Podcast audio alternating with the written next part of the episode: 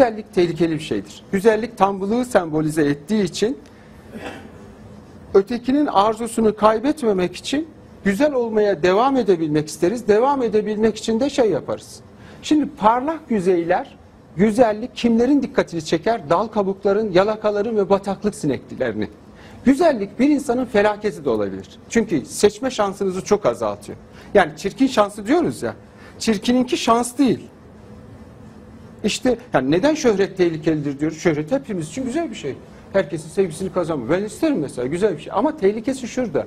Size o şöhreti verenler onu talep etmeye devam ettikleri için işte profesyonel sporcunun dramı, profesyonel balerinin, kla- klasik balerinin dramı da orada geliyor. Onu sürdürebilmek için o bakan gözleri arıyoruz biz. Bir bakış için kurban oluruz biz. Ötekinin arzusunu arzulayan bir varlığız. Dolayısıyla kendimizi bize yabancılaşmış oluyoruz.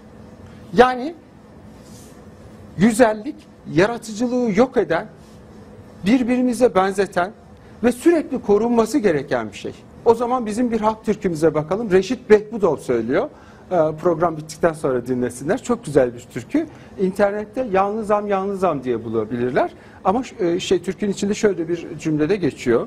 Ee, Bir gün sana da kalmaz.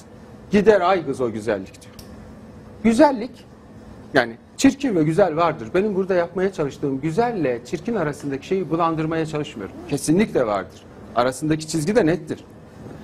Bir kadın erkek için de güzelliği sağlamlık olarak tarif edebiliriz. Ya güzeldir ya çirkindir. Eğer çirkinse güzel olmak için her şeyi yapmak zorundadır. Ben o idealin peşinde koşmak için.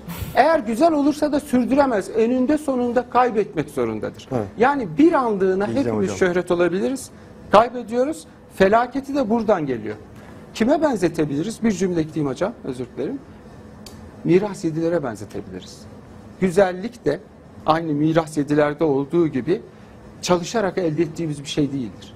Bize başkalarından, Tanrı'dan, doğadan neye inanıyorsan gelmiştir ya da dedemizden para kalmıştır. Yanımızdaki dal kabukların ve bataklık sineklerinin bizden beklediği o hayranlıklarını sürdürebilmek için sürekli dağıtırız onu. Güzel bir kadının gerçek bir ilişki kurma olasılığı vardır ama zayıftır. Allah hepimize çirkin şansı versin. Ee, Platon'un e, işte Sokrat'tan sonra işte matematik çok ön plana çıkıyor oran orantı meselesi ve güzelliği oran ve orantı meselesidir diyor. Yani ne uzun boylu olmaktır, ne kısa boylu olmaktır, ne şişman olmaktır, orantıdır diyor. Yani kısa boylu olarak bulunduğunuz ortamın en uzun bacaklı kadın olabilirsiniz oran orantısal olarak. Ama orada hani burada sadece güzellik üzerinden değil, her iktidar hangi dönem olursa olsun bu, bu e, siyasal iktidardan bahsetmiyorum, kültürün iktidarından bahsediyorum. Her iktidar mutlaka beden üstünde bir tasarım ve tasarrufu olmuştur. Yani ne bileyim ilk başlangıçta Yunan kent devletlerinde mesela spor her insanın yapması gereken bir şeydir. Her insan yapmalıdır ve sa- ruhsal olarak ve bedensel olarak sağlık gösterenidir. Roma Özel olarak da çıplak yapmak zorundadır. Evet, görünür olması. Evet. Evet. Roma'da ise e, bunu biraz daha akla, ruha gönderme yapmışlar ve dolayısıyla hani her insanın spor yapmasından ziyade hani biraz daha profesyonelliğe geçiş olmuş. Yani profesyonel spora geçiş olmuş. 18. yüzyılda da ticarileşmiştir bu. Yani spor da beden üstünde bir şeydir. Mesela bunu en iyi iki şey üzerinden çok iyi anlayabiliriz. Güzellik kavramını, bedenin nasıl e, e, psikanalitik olarak belki de programın ilerleyen saatlerinde konuşuruz ama sosyolojik olarak ve tarihsel olarak baktığımızda bale ve spora baktığımızda görürüz bunu. Bale, e, klasik bale batıda özellikle uzun süre yüksek kültürün bir göstereni olmuştur. Hatta hala öyledir. Aslında bale e, kadın sömürüsüdür. Bale e, zorla bacaklarını ikiye açarak Parmaklarının özel üzerinde. giydikleri ayakkabı adını unuttum o ayakkabının hani, e, o yazıldığı gibi okunursam point deniyor ve zorlayarak şey yapma. Beyaz olması lazım. Saflığı temsil ediyor. Böyle kolları iple asılmış, cılız, zayıf, zarif, temizliği ve saflığı simgeler. Yani aslında kadının bedeninin dışına çıkıp yabancılaşmasını sağlıyor. Bale e, Güney Amerika dansları ve bizim gibi işte e, Doğu toplumlarında, Orta Doğu toplumlarına göre kadın sömürüsünün en fazla olduğu sanat dalıdır mesela. Sanat dalı olduğu bile bana göre tartışmalıdır. Çünkü direkt erkeğin arzusu üzerine kurulmuştur. Saflığı. Mesela hep beyaz giyer balerinler. Direkt bedenlerini çok ağır bir eğitimle eğitilir. Tek amaç saflık, zariflik ve o kırılganlıktır. Ve ciddi bedensel sorunlara yol açabilecek ağır bir e, e, eğitim dönemi vardır. Ama ilginçtir. Koreografların ve e, yönetmenlerin hemen tamamı erkek. Erkektir evet. Yönetenler onlardır. Spora bakalım. Spor Romalılarla birlikte profesyonelleşmiş şu gladyatörler falan filan. Sonra profesyonel spor bütün doktorlar bilir ki profesyonel spor insan bedenine zararlıdır. Telafi edilmesi güç kas e, e, e, şeyleri, e, hasarları, kemik kırıkları, ciddi metabolik sorunlara yol açar. Profesyonel spor sağlığa zararlıdır mesela. Ama şu çok uzun bir konu bu. Ee, çeşitli gerekçelerle e, her dönemin iktidarının işine geldiği için sporun bu yanı hep görmezlikten gelinmiştir. Hep yok sayılmıştır. Yani şu anda profesyonel sporcuların önemli bir kısmı aslında doğalarına, bedenlerine, beden yapılarına aykırı bir şeyi sürdürmek zorunda hissediyorlar. Spor o kadar zalimleşmiştir ki mesela biz şu anda ben futbolu çok severim mesela. Şu anda biz Messi'yi, e, Ronaldo'yu seyredemiyoruz. Çünkü kazanmak üzerine kurulduğu için defansif futbol yaptılar. Zevke değil kazanmaya yönelik oldular. Yani biz spordan da zevk alamaz hale geldik. Evet. Aslında spor aynı güzellikle birleştireyim ben iki cümle ekleyeyim. Güzellik nasıl ki kadın üstünde iktidarın kurduğu hegemonyaysa spor da maskülen kültürün bir propagandasıdır. Mesela hiçbir spor dalında kadınlar ön plana çıkarılmaz. Kadınların en iyi yapacağı spor dalı, kadınların en iyi olacağı spor en fazla erkekler kadar olabilir. İki şey alan onlara ayrılmıştır. Artistik patinaj, buz pateni ve e, işte o görsele e, hizmet eden şeyler. Jimnastik diye tanımlı. Evet. O zaman sizin açınızdan güzellik totaliter bir şey mi? Baskıcı bir şey mi? Çünkü söylediğinizden çıkan sonuç o. Güzellik günümüzde tüm iktidarların, tüm tarih boyunca, ilkel toplumda buna dahil olmak üzere, iktidarın birey üzerinde, çünkü beden saf hazı temsil eder. Saf hazı kontrol etmezseniz toplumda birliği sağlamanız zordur. Herkes kendi telinden çalar. O saf hazı kontrol edebilmek için iktidarın beden üstünde kurduğu hegemonyadır. Mühür gibidir. Mesela Kafka'nın bir romanında şeyden bahseder. Mahkumların üzerine e, dövme yapılır. Yazı yazılır. Yani onların mahkum olduğunu belli edecek şekilde. Günümüzde de Ortaçağ Avrupa'sında uygulanan bir şey damgalama. Evet, bizim bütün moda, Silahşörlerden de estetik hatırlarız. vesaire yani şeyle ataerkil e, kültürle, eril kültürle neoliberalizmin evliliği de ince kadını arzulamamızı sağlamıştır. Ama bu geçmiş çağda işte şöyle kadınlar, öbür çağda şu kadınlar, diğer çağda şu erkekler fark etmez. Her zaman güzellik anlayışı değişse de değişmeyen bir şey vardır. Sağlamlık erkekliği temsil etmesi açısından ve güzelliği temsil eden bir ideal hep var olmuştur. Bu ideal ise sembolik olarak sizin e, çok net altını çizdiğiniz gibi iktidarın temsilidir. Bizim kültürde ya da doğu kültüründe peki bunu nasıl bağdaştırıyorsunuz? Bu dediğinizi. Tam sorunuzu anlayamadım. Hani e, iktidarın aslında e, bir dayatması gibi söylediniz değil mi güzelliğe? Bedeni. Bedeni ya da. Bu şimdi Kültürel iktidar olarak ama. Geçmişte bedenin nasıl kullanılacağı ile ilgili iktidarın her zaman çok açık uzun bir anayasası vardır. Ülkenin yönetiminden daha uzundur bu anayasa. Nasıl giyeceksiniz, nasıl dolaşacaksınız, erkekler nasıl yürür, kadınlar nasıl yürür, çocuklar nasıl yürür, kız çocukları nasıl yürür, bedenleri nasıl konur, ne zaman güleriz, ne zaman gülmeyiz, ne zaman seks yaparız, ne zaman seks yapmayız. Her şeyi belirlemiştir. Nasıl yeriz, çatalı nereye koyacağız. Ama bu biz biraz daha Batı toplumu daha e, gelişkin bir eril toplum olduğu için Batı kültüründe sanıldığının aksine çok daha serttir. Bunun en iyi örneği de baledir.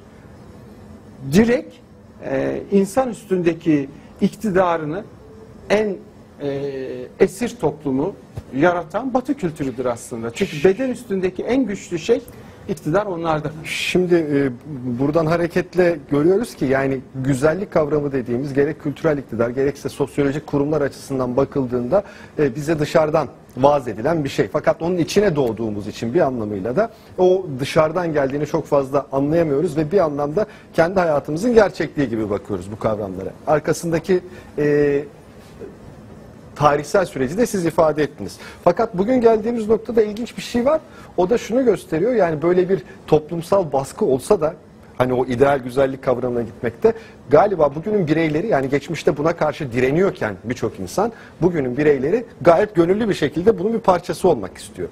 Biraz daha çağımızda bunun yumuşak olduğunu düşünüyorum. Tarihin en yumuşak dönemini götürüyoruz. Uygulamaları- Çirkinlikle güzellik arasında. Çirkinliği ve güzelliği şöyle tarif edersek, e, bir ideal konmuştur hep. toplumda. Evet. Bedenle ilgili bir ideal konmuştur. Evet. Ve bu idealin şekli değişmiş, evet. E, şu ya da bu nedenle değişmiş. Ama buradaki şey, o varlıktaki eksikliği imleyecek bir şeye işaret yapılmış.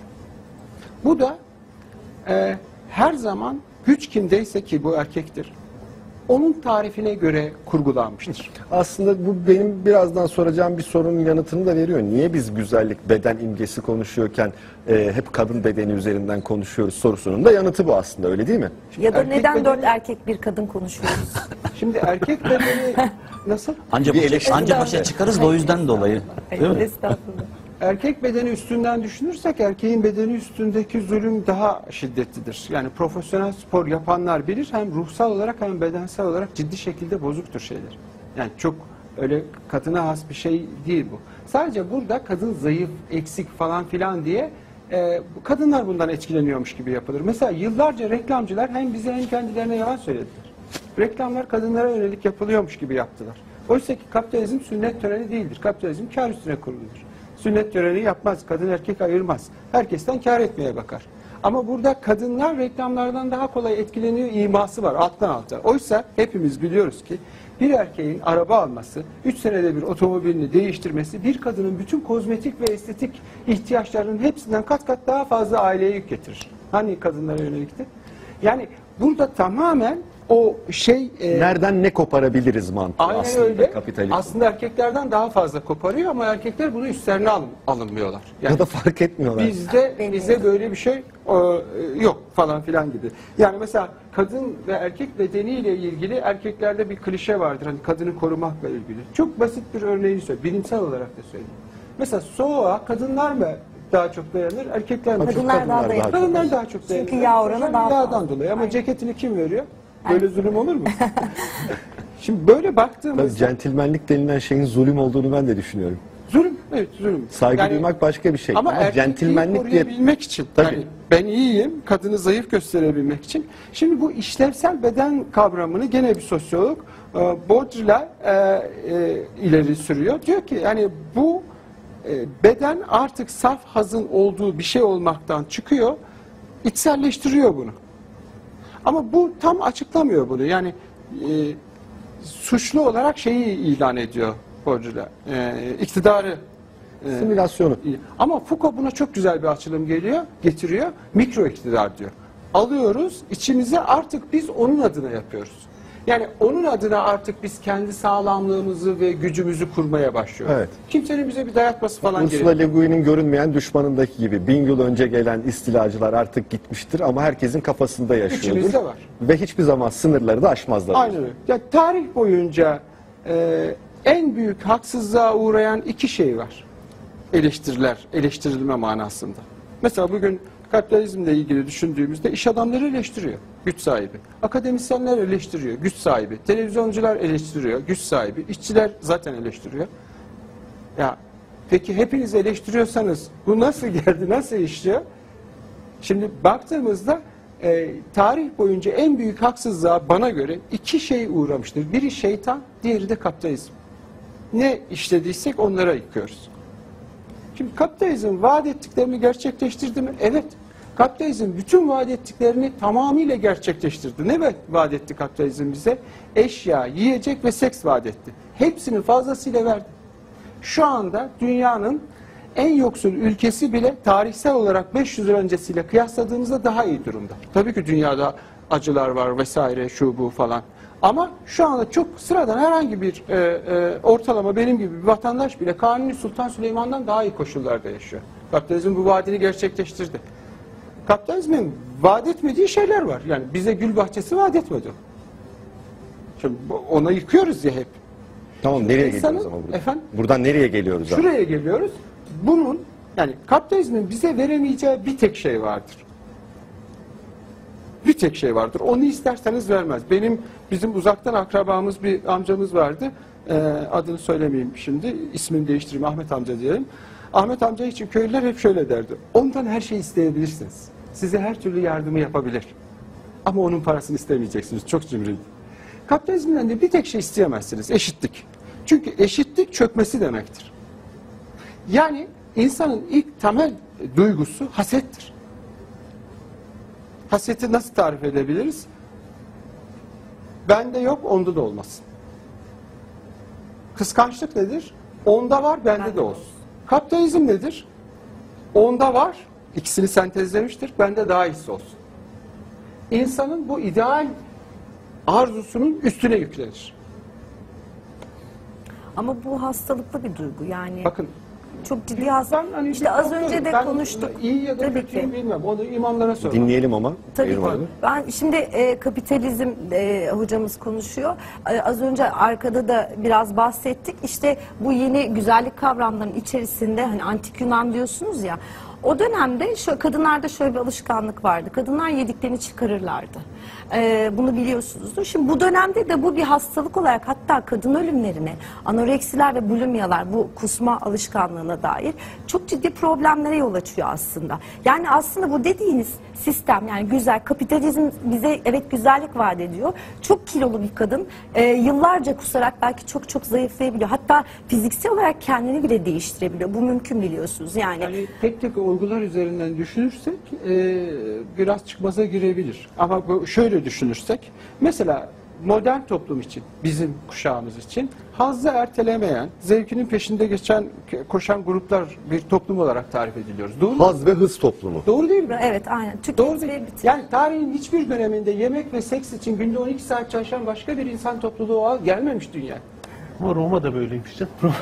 Yani kuşkusuz benzer örnekleri var. Bakın hani şunu söylemeye Yani çalışıyorum. Dili değiştirmemiz gerekiyor. Yani insan ideal arzusu olan, ötekinden önde olmayı arzulayan bir varlık. Eğer ideali beden olarak kullanırsanız e, Baudrillard'in söylediği işlevsel beden. Çünkü işlevsel beden benim sosyal yaşamdaki varlığımı temsil ediyor. Yani Benlik dediğimiz şey şeyin tecessüm ettiği yer. Aynen öyle. Yani ben kendimi sembolize edilebilmek için, varlıktaki eksikliğimi giderebilmek için bir şey yapmam lazım. Yani kendimi, biz parlak yüzeyleri severiz. Bütünlük ve tamlık arzusu içindeyiz. Bu arada ben kapitalizmi yüceltmek için söylemedim, yermek için söyledim. Ama gelebildiğimiz en iyi nokta bu. O, dolayısıyla o bize ideali tanımlayan şeyi değiştirmemiz gerekiyor. Değiştirmediğimiz zaman olmayacak. Şimdi güzellikle ilgili bir iki şey söylemek isterim. Bu ideal mevzusu. Hani insan eksik bir varlık ama neyin eksik olduğunu bilmediği için o eksikliği gidermeye çalışıyor. İkinci kısımda belki bu eksiklik duygusu nasıl oluşuyor onu ilişki üzerinden konuşabiliriz. Bu eksikliği giderebilmek için o ideale saplanıp kalıyoruz ama bu idealin ne olduğunu iktidar belirliyor bir anlamda. Peki bu iktidar illa erkeği mi kastediyoruz? Orada Foucault'a başvuruyoruz. Mikro iktidar diyor. Mesela burada e, seyircilere şu filmi öneririm. Siyah Kuğu. Natalie Özellikle ben de söyleyecektim hocam. Çok güzel oldu o örnek. soyadını unuttum ya. Portman. Natalie Portman'ın, Portman. Natalie Portman'ın Oscar'da kazandıran bir filmdir. Tabii, Ee, bir balerindir. Ee, e, şimdi e, baleyle ilgilenmeyenler belki bilmeyebilir ama orada işte bir siyah kuğu var, beyaz kuğu var, kraliçe kuğu var. Şimdi tahmin edileceği gibi siyah kuğu cinsiyeti olmayan, cinselliği olmayan, kırılgan, nazik, beyaz, saf, temiz kadını temsil ediyor. Ee, siyah kuğu ise arzuları olan, karanlık, e, kendisini serbest bırakması gerektiren bir şeyi tarif ediyor. Havva ile Lilith şeyi var Aynen. aslında Evet. Hristiyanlığın kendi Anne nasıl bir anne? Anne eee, arkadaşlarıyla konuştuğunda o senin düşmanın diyor. Çünkü 6 yaşındayken oradaki birkaç diyaloğu aktarayım. Ee, Kendi yapamadıklarını kızına Çünkü yaptırtmaya şampiyon olamayacak. Şampiyon olman için çalışman gerekiyor. E, Bir hesaplaşmalarında aralarında sen beni mahvettin diyor annesine. Ee, o da diyor ki ben senin kend, senin benden nefret edeceğini bile bile seni şampiyon yaptım diyor. Zul, zulmediyor. Yani gerekiyor ve çalışırken de hani o şimdi saflıkla ihtirası bir arada birleştirmesi zor şey oyuncunun. Bu anlamda o güzellik, atfedilen güzellik, o başrolü alabilmek için, erkeğin dünyasında hani onun istediği gibi görünebilmek için güzelliği nasıl onu film boyunca nasıl kötü bir insana çevirdiğini görüyor. psikoloji. Niye birilerine benzemek için bu kadar e, çaba sarf ederiz? Hatta işte dediğim gibi örneklerinde birçok örnek sayabilirim. Yani e, isimler önemli değil ama işte bildiğimiz birçok isim sayabilirim. Ortaya çıkan nihai durum arzu edilen ne hani bırakın yaklaşmayı başlanılan noktadan bile çok kötü çok gerilere doğru gidiyorken niye hala bunu yapmaya çalışır insanoğlu? Hadi birine benzemeyi bir tarafa bıraktım. Ee, bir şeylere benzeme hevesi de söz konusu özellikle işte fantastik kurgu edebiyatta yer alan bir takım varlıklara.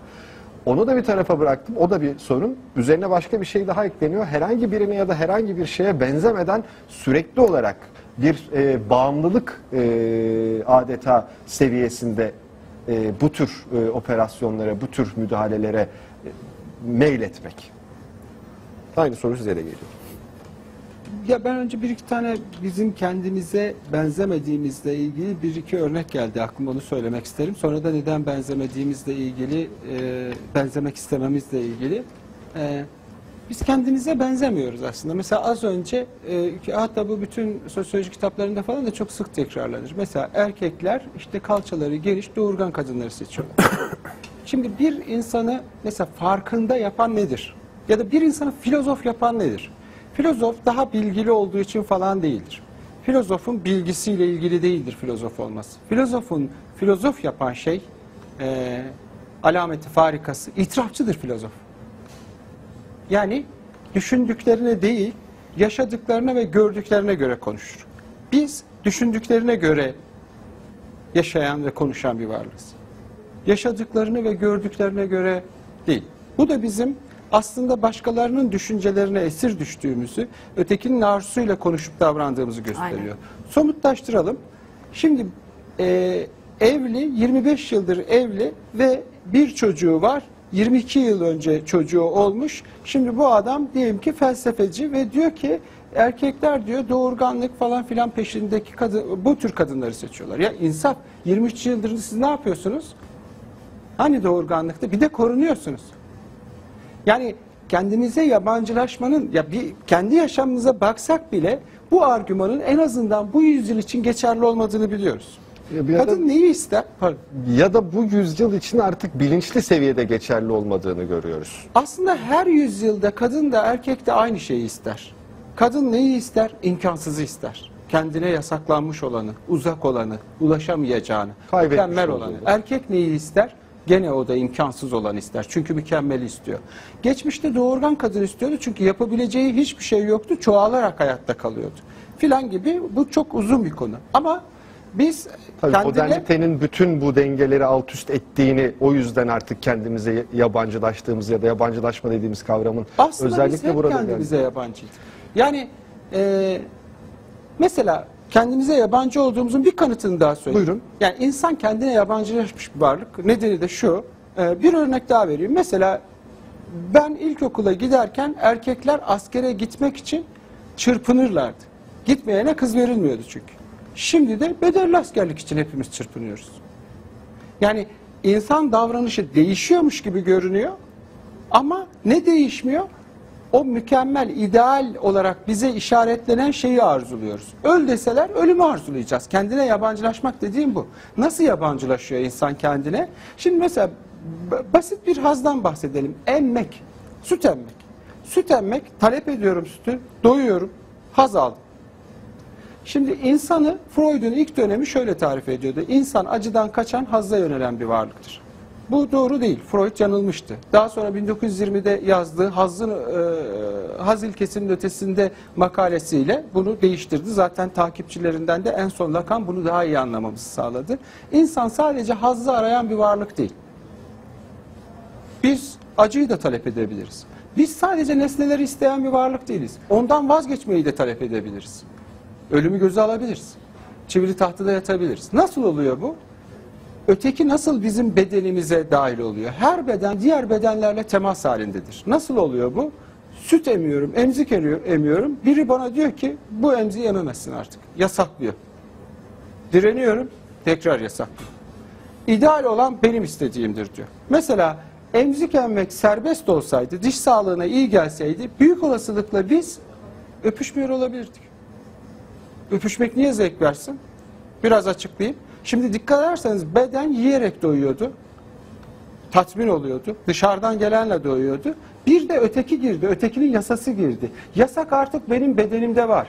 Yasak nereleri kontrol eder? Delikler ve yarıkları. Şuraya bakmayacaksın, şunu duymayacaksın, şunu yemeyeceksin. Ben ne zaman istersem oraya kakanı yapacaksın. Ben ne zaman istersem onu yiyeceksin.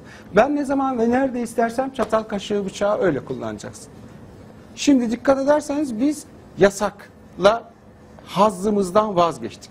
Yasakla hazzımızdan vazgeçtik ama bu nasıl bir hazdı bilmiyoruz. Eksiklik de ona dayanıyor. Daha sonra bunu talep edeceğiz. O yüzden imkansızı istiyoruz. Cennette her şey varken gidip elmayı ısırıyor. İnsan zihni, normal insan dediğimiz varlık ahlaklı olmaya çalışır, yasaktan korkar. Normal insanın bütün ahlakı gözdağına dayalıdır. Bir tür ahlaksızlıktır aslında. Korktuğumuz için biz yasayı çiğnemeyiz. Suçluluk duyan birinde biz neye bakarız? Ha bu çok erdemli falan değil. Kimden korkuyor diye bakarız. Ne için korkuyor diye bakarız. Gözdağına dayanır normal insanın ahlakı. Normal insanı nasıl tarif ederiz? Normal insan şöyle bir varlıktır. Sürekli ahlaklı yaşam, yaşar ya da yaşamaya çalışır. Sürekli sapkın şeyler düşünür. Kanıtlayalım. Bekarlığa veda partisi nedir? Neye veda ediyoruz? Mesela ben şöyle bir cümle kursam desem ki zevkü sefa içinde yaşayan bir adamdı. Sürekli zevkü sefa için peşinde koşardı dediğimde kimsenin aklına şu gelir mi? Çocuklarıyla, eşiyle birlikte mutlu mesut yaşayan, akşamları yoğurt yiyen, sabah kalktığında süt içen, yarım saat süt spor yapan. Mesela ben bir yazım için böyle bir anket çalışması yaptım. Bir tane, bir tane yani hangi neyi hayal ediyor? Bir kişi şunu demedi ya. Yani ne bileyim düzenli ilişkisi vardır. Kurallara uygun davranıyordur.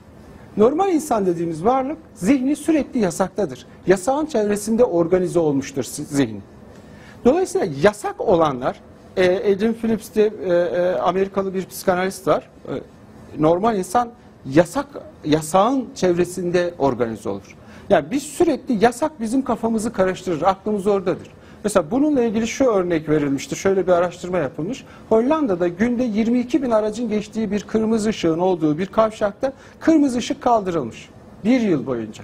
Kazalar 36'da 2'ye düşmüş.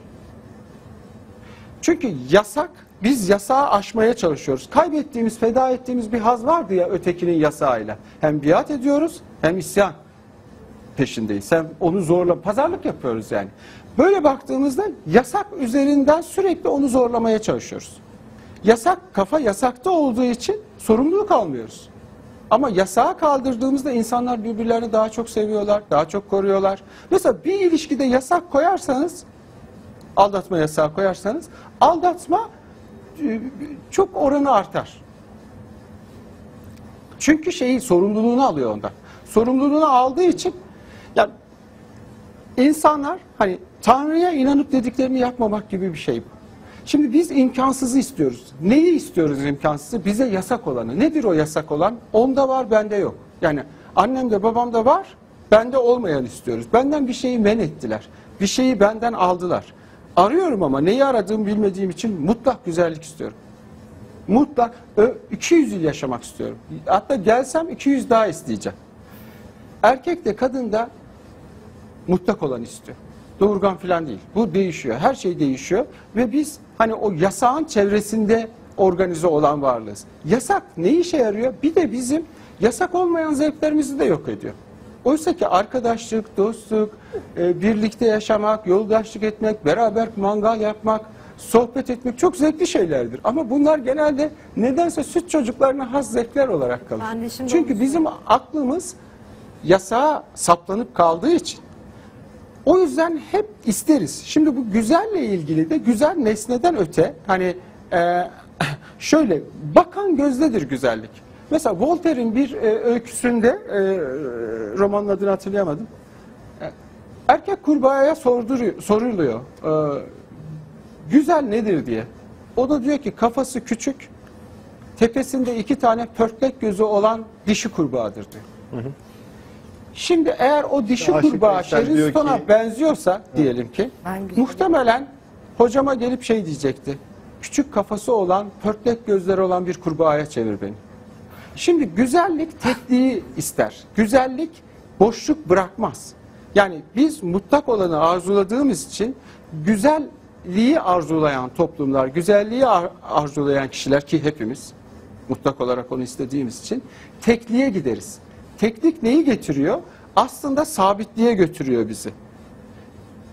Dildir bizi kültüre sokan dildir. Dil nedir? Olmayan bir şeyin yerine geçendir. Mesela eğer eksiklik yoksa dil üretemeyiz. Dil oluşamaz. O zaman kelimeler bizde olmayanın yerine koyduğumuz şeydir. Kültürü üretemiyoruz. Yani kültürü üretebilmek için çirkinliğe ihtiyaç var. Çirkinlik devrimcidir. Çirkinlik çeşitlidir. Umberto Eco'ya güzelliği tarif ettiği dediğinde güzellik ölçülebilir bir şeydir diyor. Zaten Platon da öyle diyor. Platon da diyor ki oran ve orantı meselesidir diyor. Ama çirkinliği ölçmek o kadar çok ki diyor. Tanrı gibi sonsuzdur diyor. Sonsuzluğa götürüyor. Yani çirkinliğe müsaade etmeyen biri eksikliğe aşık da olamaz. Aşk güzelliğe, çirkinliğe sırtını dönmek, dönmek değildir. Eksikliğini kabul etmektir. Sen olmasan ben mahvolurum, ölürüm filan. Şimdi burada yasağın nasıl belirleyici olduğunu görüyoruz. Ben bir film daha hatırlatayım. Filmler üzerinden düşünmek, konuşmak daha kolay oluyor. Ben Tonya, Ay, e, Ta- Tanya pardon, Ay Tanya diye bir film. Şimdi yaşı 35'in üstünde hatta 40'ın üstünde olanlar Katerina Witt diye çok önemli bir buz patenciyi hatırlayacaklardır. Yani benim çocukluğumda çok önemli bir şeydi. TRT'de yayınlardı. Nakler se- seyrederdik. Art- artistik patinaj diye. 6 kere üst üste Avrupa şampiyonu olmuş. 2 4 olimpiyat, 2 dünya şampiyonluğu var. Amerika'da da aynı dönemde yaşayan e, Tanya Harding diye bir kadın var. Üçlü aksel diye bir şey vardır. Aksel diye okunuyor sanıyorum.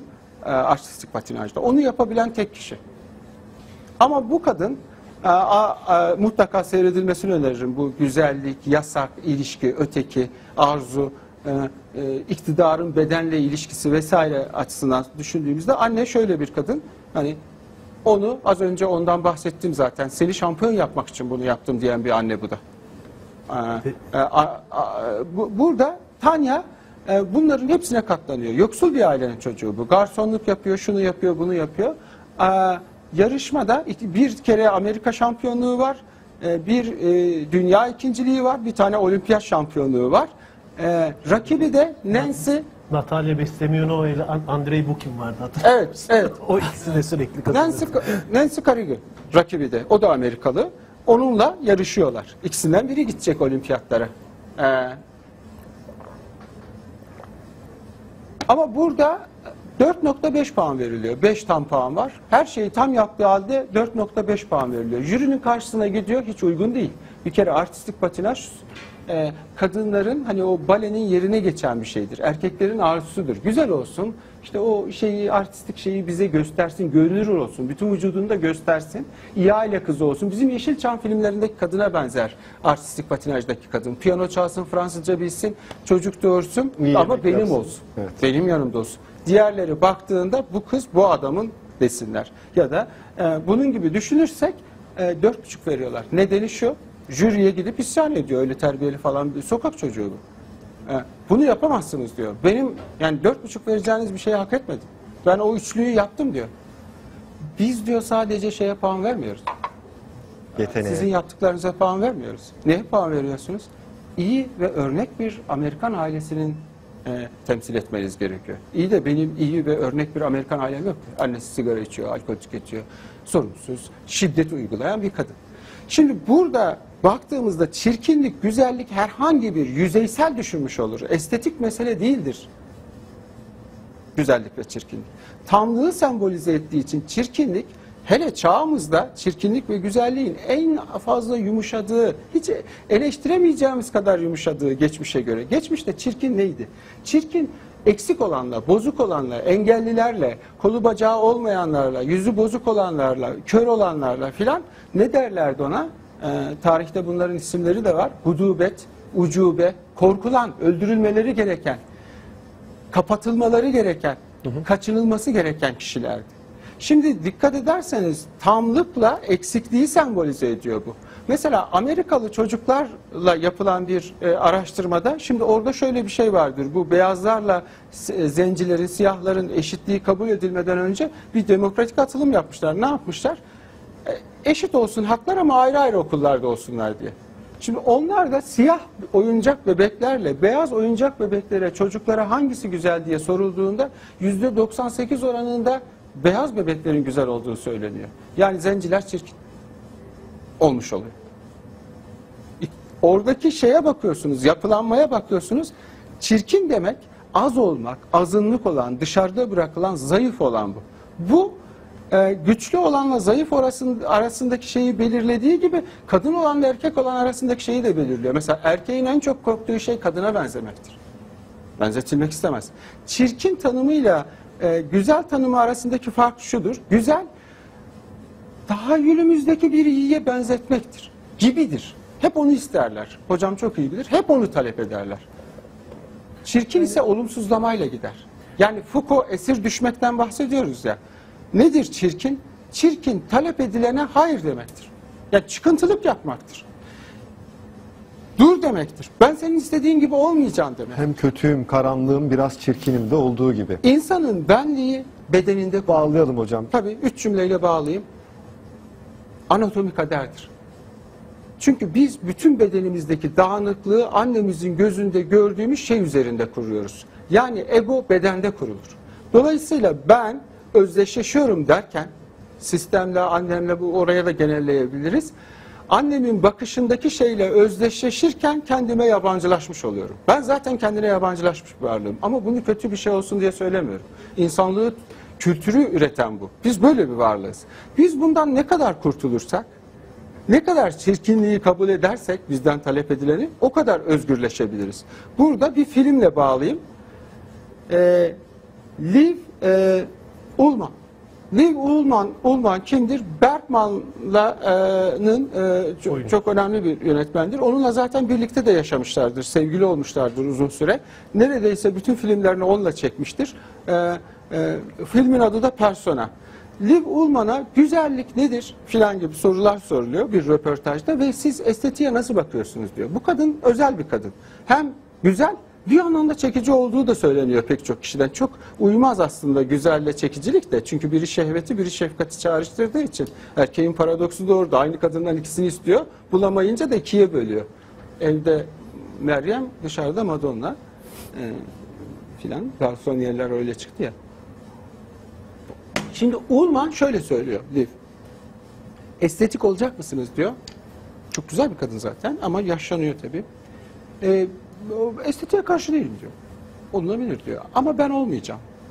Çünkü yaşlandığında yüzümün ne kadar değişeceğini o kadar çok merak ediyorum ki sabırsızlıkla asla bunun değişmesine, bozulmasına izin veremem diyor Ullman. Şimdi işin ilginç yanı oynadığı filmin konusu da şu. Çok ünlü bir aktrist, çok beğenilen, ilgi gören, arzulanan biri ama şuna yabancılaşıyor. O arzulayanlarının, hayranlarının ondan beklediği gibi kalmaya çalışan bir kadını oynuyor. Bu kadın bundan sıkılıyor, hiçbir psikolojik bozukluğu, depresyonu olmadan bir adaya gidip yerleşiyor. Ve hiç konuşmuyor. Yanına da bir hemşire alıyor. Liv Ullman o hemşireyi oynuyor. Bu iki kadın arasında hani geçen hikayeyi anlatıyor. O yabancılaşmayı ve yaban çünkü kimlik bölünmesi olur. Şöhretin en tehlikeli tarafı kötü bir şey olması veya bizi dönüştürmesi değil. Bizim onun egemenliğine girip o bekleneni vermeye çalışmamız olduğu için. Ee, ben hani burada keseyim çünkü uzadı. Uzadıkça da uzayacak. Beni durdurmazsanız bütün zamanı İşte o yüzden zaten. Kusura bakmayın. Peki şunu konuşuyorduk Agah Hoca ona bir e, biraz da işte gene Lacan'a e, göndermede bulunarak e, açıklamaya çalıştı. Şimdi biraz e, psikanalitik ve felsefi boyutunu niye insanlar birilerine bir şeye ya da olmayan bir e, şeye benzemeye çalışıyorlar? Niye onun peşinden koşuyorlar? Sorusunu yanıtlamaya çalıştık. söyleyeyim. Ee, yani herkes bence işte e, estetik yaptırabilir, yaptırmayabilir. Bu benim sınırlarımı aşar. Bu insanların kendisinin ve doktorlarının karar vereceği bir şey ve bence de devam edecek. Devam etmesi de çok normal. Yani ideali böyle belirlersek beden önemli bir silah şu anda yaşadığımız dünyada. Güzellikte çok iş görüyor. Yani burada insanlara diyebilecek hiçbir şey yok. Ama bazı özel gruplar var. E, yasal bir zorunluluk yok psikiyatrik açıdan değerlendirilmesiyle ilgili. Çünkü zaten doktorlar yaptığı için doktorların hani böyle bir e, tıbbi açıdan değerlendirme şeyleri var. Ama anoreksiya nervoza, gece yeme sendromu, tıkınırcasına yeme, bulimia nervoza ve bu uzatılabilir ciddi hastalık grubu var. E, bu gruptaki insanların bir akıl hastalığı değildir bu ama beden algıları bozuk olduğu için kendilerini değerlendirmeleri zordur ve plastik cerrahlara çok sık giderler. Çok da olumsuz maalesef örnekler var. Bu kişilere hani mide operasyonları, işte kelepçe operasyonu vesaire estetik operasyonlar yapmak e, hem sonuçları açısından çok ciddi sorun, hayati tehlikesi var. Zaten bu insanlar hiçbir şey olmadığında yüzde onu ölebiliyor anoreksiya nervozaları. Yani yasal zorunluluk olmasa bile ailenin gittiği doktoru uyarması, yani doktorun gözünden kaçabilir. Ama zaten Çünkü morbid gerçek- obez olması gerekmiyor mu o tarz kişilere? Hani e, neden bazen yemediği çok için oluyor. 42 kilo ile geliyor anoreksiya nervoza. İşte E, onu- ama işte e, her türlü plastik cerrahi ya da dermatolojik müdahalenin hani en azından bir psikiyatrik konsültasyon alındıktan sonra yapılması. Çünkü değerlendirilmesi çok zor cerrahi kliniğinde böyle bir hastanın. Yani bunu belirtmek isterim. E, Genelde aslında değerlendirildiğini düşünüyorum meslektaşlarımızın bu konuda. Ama maalesef çok e, olumsuz örnekler var. Pek çok hasta gizliyor. E, tabii bir cerrahi polikliniğinde de böyle bir tanıyı koymanın zorlukları var. E, benim kişisel olarak ben e, şey söz sahibi biri olsaydım e, şeyde zorunluluk koyardım. Herkese e, psikiyatrik değerlendirme önerirdim. Ama e, benim öyle bir etkim yok. Ama ergenlerde, e, çocuklarda ve bu grupta, bu grup hastalarda, akıl hastalarını zaten dahil ediyoruz. Hani e, ailelerin de, hastaların kendilerinin de ama hastaların kendileri bunu görseler de inkar ediyor. Yani, Yani- çok o uca gitmeden de aslında şey yapmak lazım. Hani ben mesela çok böyle ağır duygusal travmalar sonrasında diyelim boşanmış, Evet. işte birisini Çok kaybetmiş, olabilir. e, ciddi bir iş kaybı yaşamış. Yani şimdi gelip de bunun hemen üzerinden bir üzerine ameliyat isteyen hastalara şey söylüyorum yani biraz durun sakinleşin bir bir hayatınızı toparlayın ondan sonra ameliyat olun diyorum. Çünkü e, hastalar şey mesela kocası bırakmış e, düşünüyor ki hani e, estetik ameliyat olursam tekrar onu kazanabilirim diye düşünüyor. Yani sorun orada yaşlanma veya güzellik olmuyor. Yani evliliği birlikte ayakta tutan şey sadece fiziksel görüntü değil. Yani onu hastanın anlayabilmesi için bir zaman tanımak lazım. Hani dolgular, botokslar gene onlar daha geçici işlemler belki ama cerrahi ameliyatlardan önce yani ruhsal açıdan dengeli olmadığı dönemlerde hastaların ameliyat talebinden bence uzak durmak lazım. Genellikle çünkü bu ameliyat e, düşündüğü çözümü getirmiyor ve e, bundan daha da mutsuz olmasını veya hekimle düşmanlaşmasını da sağlayabiliyor. O yüzden e, yani o dönemlerde bence hastalara biraz zaman tanımak lazım e, daha sağlıklı kararlar verebilmeleri için. Size dönelim hocam buyurun. Ne dersiniz, ne eklersiniz, nasıl toparlarsınız? E, son tur herhalde. Ben Evet. Tamam. Ee, ne diyeyim bir sürü şey söyledim aslında ama bir iki şey daha Artık ekleyeyim. ne diyeyim, aklıma iyi geldi. güzellik diyormuş hocam öyle Şöyle, bitiriyormuş. e, yani insan bedeninin en çirkin yeri neresidir diye sorarsak pek çok şey gelebilir akla. Ayaklar, burun, kulak, bir sürü şey gelebilir. Ee, bu o, şeyin filozofun adını unuttum. Ondan esinlenerek söyleyeyim. Bence bir insanın en çirkin yeri ne büyük ayaklarıdır, ne kemerli burnudur, ne de saçıdır, ne de gözüdür. En çirkin yeri ya da çirkinleşebilecek yeri zihnidir. Bir kemerli burunla bir arada yaşayabilirsiniz. Hatta aşk bile olabilirsiniz. Hatta sadece onu çekici bulabilirsiniz. Ama zihniyet bozuksa 5 dakika bile bir arada duramayabilirsiniz. Ee, biz e, de hekimlikte alana bakarız. Yani e, alanda ne oluyor? Yani psikiyatride iki temel ekol vardır. Birincisi şeyi sayar. Dışarıda olana bakar. Ne gördük? Onu kaydederiz biz. Fenomenolojik tanı veririz. Yani şu anda dünyada ha- hakim olan ekol de budur. Bir, bir ikinci ekolde işte bu Freudian ekoller ya da diğer psikoterapi tekniklerinde de eğer dünya üzerinde bir araştırma yapıyorsanız, dünya hakkında fikir üretecekseniz, o fikri üreten şey zihin olduğuna göre zihin hakkında bir bilginizin olması lazım. Yani biz güzelliğe nasıl karar veriyoruz, çirkinliğe nasıl karar veriyoruz vesaire. İnsanı düşündüğümüzde hani bu bir saplantılı mıdır, bağımlılık mıdır? Bizim bağımlı olduğumuz bir tek şey var, o mutlaklık. Mutlaklık arzusu. Ama bu arzuladığımız şey de bir şekilde tamamlanmıyor. Yani biz e, örneğin ne e, e, şeye e, ne bileyim akıllı telefonlara bağımlıyız, ne alkole bağımlıyız. Öyle, ö- evet bunları biz görüntüde ilk yüzeyde böyle tanımlarız ama biz aslında akıllı telefona ya da internete değil onun bizi bağladığı diğer insanlara bağımlıyız. Bizim bağımlılığımız öteki. Öteki belirliyor bizim her davranışımızı. Dolayısıyla hani o güzellik ve çirkinlik konusunda e, bir cümleyle şunu da ekleyelim. Hani güzellik dedi ki aynılığa götürüyor. Filmin adını unuttum ama şöyle bir kasaba düşünün. Erkekler hayal etmişler. Herkese bilim kurgu bir film. E, belki hatırlayanlar çıkar. Herkes işte ince belli, mutfak işlerinden anlayan şu fi- filan. Herkesi bütün kadınlar birbirine benziyor. Dışarıdan bir kişi geliyor. O çekici olan da o oluyor tabii doğal olarak da hepsi birbirine benzeyince e, güzellik tekliğe götürüyor bu anlamda. Yani harekete izin vermiyor çünkü sabitlik var. Güzellik sanıldığı kadar da masum değildir.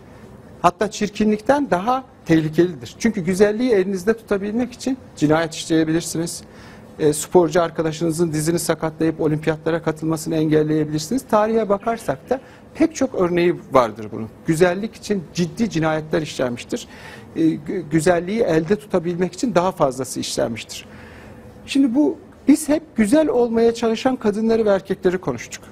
Bir de çirkin olmaya çalışan güzel kadınlar var.